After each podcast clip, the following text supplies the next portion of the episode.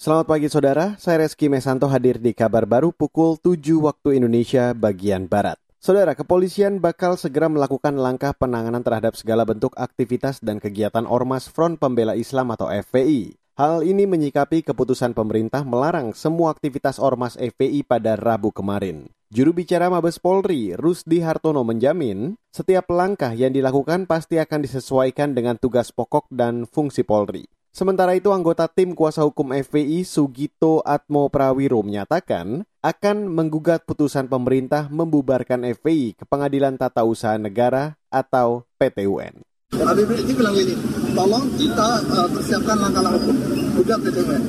Anggota tim kuasa hukum FPI Sugito Atmo Prawiro juga mengklaim FPI sudah mengurus perpanjangan surat keterangan terdaftar atau SKT ke Kementerian Dalam Negeri namun mengalami kendala. Kemarin, Menko Polhukam Mahfud MD mengumumkan pemerintah melarang seluruh kegiatan dan aktivitas FPI. Mahfud MD mengatakan Ormas FPI sudah bubar sejak 20 Juni tahun lalu karena tidak memperpanjang surat keterangan terdaftar atau SKT.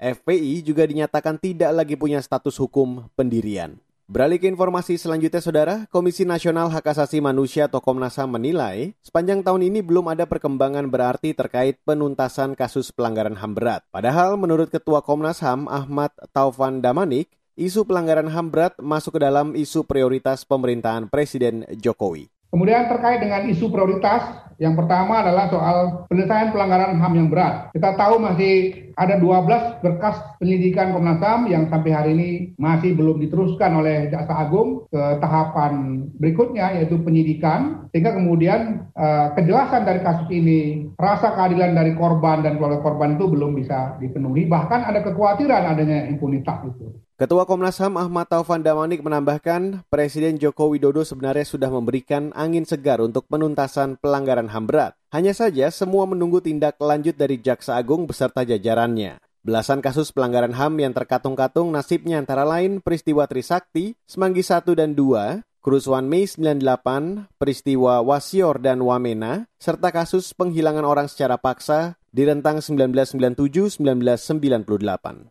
Kita beralih ke informasi lain, Saudara, untuk mendeteksi ada atau tidaknya COVID-19 varian baru di Indonesia, Menteri Kesehatan Budi Gunadi Sadikin memerintahkan Badan Litbang Kesehatan memeriksa ulang contoh RNA dan DNA pasien COVID-19 secara acak dari berbagai rumah sakit. Menurut Budi, pemeriksaan varian baru virus corona itu hanya bisa diuji di 12 laboratorium khusus saja. Saya sudah dapat, 6 udah dites, belum ada tapi kalau ditanya apakah ada atau tidak ada, saya jujur tidak tahu. Karena kan kita nggak tahu, mungkin masuk dari Australia, masuk dari Filipina, masuk dari mana kita nggak tahu. Tapi saya sudah minta supaya surveillance-nya bisa lebih baik.